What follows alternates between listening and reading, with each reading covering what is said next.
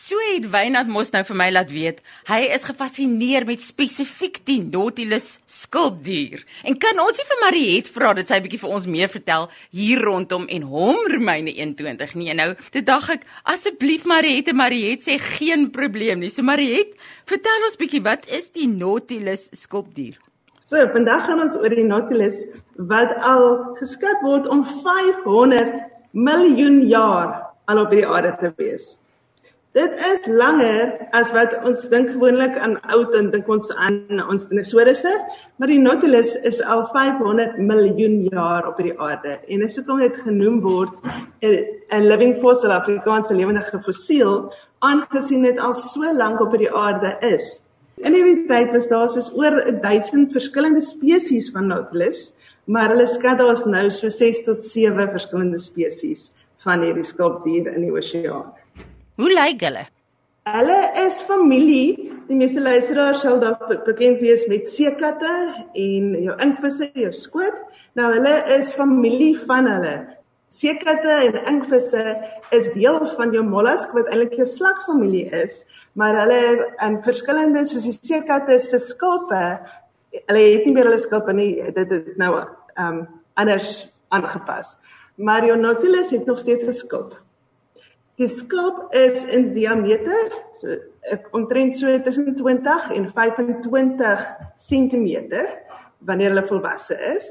Dink 'n gewone liniaal is 30 cm, so dis amper die lengte van 'n liniaal en die skulp aan die buitekant is soos 'n dowwe wit kleur en dan aan die een kant van die skulp wat dan die bokant in die water sal wees, is 'n bruin of 'n rooi oranje strepe, onreëlmatige strepe op die skulp. En soos wat mense vir baie marine diere kry, is die bokant donkerder en die onderkant is ligter. Want as jy van bokant af afkyk, gaan jy dit nie maklik sien nie, en as jy van onder af opkyk, dan is dit ligter van kleur. So dis 'n tipe kamouflering om nie maklik gesien te word deur hulle roofdiere nie. Hm. Maar die binnekant van die skulp is omtrent 'n parelagtige voorkoms en dan die heel binnekant se deel is so um grysblou skyn van kleur. Daar is mense wat die Osmino parel wat gemaak word as juweliersware is nie regte parel nie dit word uit die Nautilus skulp gemaak. My ade. So dis baie mooi skulpe en dit is ongelukkig juist hoekom hulle bedreig word omdat mense dit as ornamente en as juweliersware gebruik en hulle kan ook nie goed in gevangenis um, aangehou word nie, so hulle kan ook nie gou vir mariculture word nie. Maar wat interessant is dat mense nie kan sien as jy nou buite kyk nie, As mens die skulp sou oop saag, dit mens nou nie DIY moet gaan doen nie, maar as mens nou sou, dan sal mens as jy dit oop gaan saag, aan die binnekant is daar kompartemente. Die eiertjies word gelê en dan vat dit 'n jaar voordat daai eiertjies uitbroei. Wanneer hulle uitbroei, is daar dat daar 4 tot 5 van hierdie kompartemente is. Soos wat hierdie diertjie groei, vorm daar meer en meer kompartemente. Nou daar's versperrings tussen die kompartemente genaamd septums, maar hierdie diertjie kruip dan na die groter deel wat nou gevorm het elke slag. En dan die kompartemente word dan gevul met lug as ook 'n soutvloeistof En dit is hierdie vloeistof wat in hierdie kompartemente is wat vir die Nautilus dryf vermoë 'n buoyancy dryf vermoë gee. Nou baie dit basies aan 'n kleintjie wat moet leer swem, wat swemvlekkies gaan hê of 'n tubie gaan hê. Daar moet lug in wees sodat die kleintjie nou kan bo bly. Ja. Nou die Nautilus het daagliks hulle is nagdiere Hulle eet in die nag. So in die dag gaan hulle dieper in en hulle gaan onder die oppervlakte van die see tot met 610 meter diepte gaan hulle in die dag. En dan migreer hulle in die nag op want daar's meer kos vir hulle tot by so 21 meter. Nou, hoe reguleer hulle dan nou hierdie dryf vermoë? Ja, presies. Is deur die lug in hierdie kompartemente die verhouding van die lug en die vloeistof verander hulle en dit maak meer lug in en meer op of meer af in die tot 610 meter. Maar hulle moet ook nie te ver diep gaan nie. Want as hulle tot by 800 meter kom, dan wys wetenskaplike studies 800 meter gaan daai skulp ingee. So daar daar en die vertikale op en af gebeur in die dag sodat hulle kan opgaan in die nag. So hulle kan basies hulle midnight feast daar bo gaan hou by 91 meter en dan gaan hulle nou weer onder toe. Hulle kan swem en hulle kan jag vir hulle kos en dan eet hulle vis, klein visjetjies en crustaceans soos ons krabbies wat hulle dan gaan eet.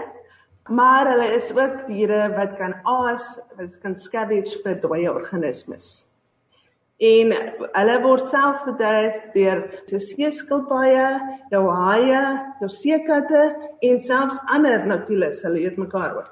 Wat? Hulle is kannibalisties. Omtrent, want verskillende natuurlik van verskillende spesies van die natuurlik gaan hulle eet. So dis hoekom hulle hulle hier spesifiek waar hulle moet wees, hulle kan op en af migreer in in op die land as ons praat van migrasie ding ons meer as horisontale migrasie maar baie see diere het hierdie daaglikse op en af soos wat die lugkondisies is. Onder by 610 meter is daar min lug wat nog in die oseaan is en hier by so 1000 meter het jy nie meer lug in die oseaan nie dan is al die lug geabsorbeer. Nou dit is my ongelooflik interessant hoe die Nautilus die lig in hierdie in hierdie kamers reguleer en ook behalwe hierdie migrasie het hulle ook hoe beweeg hulle ook as hulle horisontaal beweeg. Hulle neem water in 'n skulp in en dan spuit hulle die water in die teenoorgestelde kant waar as wat hulle wil beweeg. Dat hulle water uitkom en dan is dit soos jet propulsion en hulle gaan hulle agtertoe. Wat? So dis hoe hulle beweeg. Hulle het hulle eie karretjie. Nou, Omtrent, want hulle kan soos dag gaan hulle. Nou toe dink ek nou en ek weet en ek sê vir Here maar o, die Nautilus wat leer ons uit die Nautilus? En toe kom dit by my op dat die Heilige Gees wat ons baie in die Bybel gepraat van ehm um, soortgelyk aan ons ken van die duif en van wind. En wind is lug. Ja. En die Nautilus het hierdie lig in 'n spesifieke kombinasie van die lig en die vloeistof in wat reguleer waar die weertjie gaan beweeg. En Nautilus, die naam kom van die Latyns vir seiler, so 'n vader en waar jy moet gaan. Nou die is dit ons nie die Heilige Gees kan sien waar is die Heilige Gees nie. Ons kan sien waar die Heilige Gees en wat gebeur in jou lewe en partykeer verstaan jy nie dadelik hoekom goed gebeur nie, maar daar is altyd 'n goeie ding daarmee. Maar hierdie Nautilus moet die regte kombinasie van lig in die diertjie hê om te kan migreer. En so is dit belangrik dat ons ook die Heilige Gees in ons moet hê om ons waar ons moet heen gaan en ook te kan luister na die Heilige Gees of ons meer soos in die Nautilus moet meer opgaan om daar te gaan eet of moet ons eerder anders gaan en ook nie in 'n gevaarlike situasies beland nie. Ja natuurlik en al daai goed kom saam met die wysheid van die Heilige Gees. Die woord sê mos jy sal 'n stem agter jou hoor wat vir jou sê gaan links en gaan regs en dat die Heilige Gees die een is wat jou herinner aan wat Jesus gesê het op aarde en al daai tipe van dinge. Daar's daar's soveel funksies daarin. Dit is my so mooi hoe dit dit verduidelik. Ek is ook verbaas met hoe groot hulle is. Die prentjies, mens sien mos net prentjies en jy mis interpreteer die grootte van dit wat jy sien en so dit is my bietjie uitspattig, né, hoe die Here soveel binne in hierdie dop ook wegsteek. Al die ou kamertjies en die hele ligdrukwerking en al daai goedertjies is weggesteek binne in hierdie dop. Al wat jy sien is die dop aan die buitekant, maar daar's 'n hele wêreld aan die binnekant met funksies en goeters hoe dit werk en so. Ek dink die Here is 'n baie ingewikkelde God soms. Jy weet, dat dat ons hom onderskat soms, want ons sien net die buitekant, maar daar binne is daar soveel goed wat die Here aan die werk is en aan die beweeg is en aan die plek sit is en redes agter elke ding wat hy doen soos wat hy dit doen. En uh, en ons en ek dink ons kan hom dalk vlak vat soms want ons oordeel amper ons God net aan die bietjie wat ons sien. En het jy nou al 'n Facebook page en sulke goeders wat jy nou al aan mekaar slat wat ek wil hê die mense moet kan sien hoe mooi is hierdie dier. Ja, die mense kan gaan kyk op die Facebook page Marie Bioloog Marie Wheeler.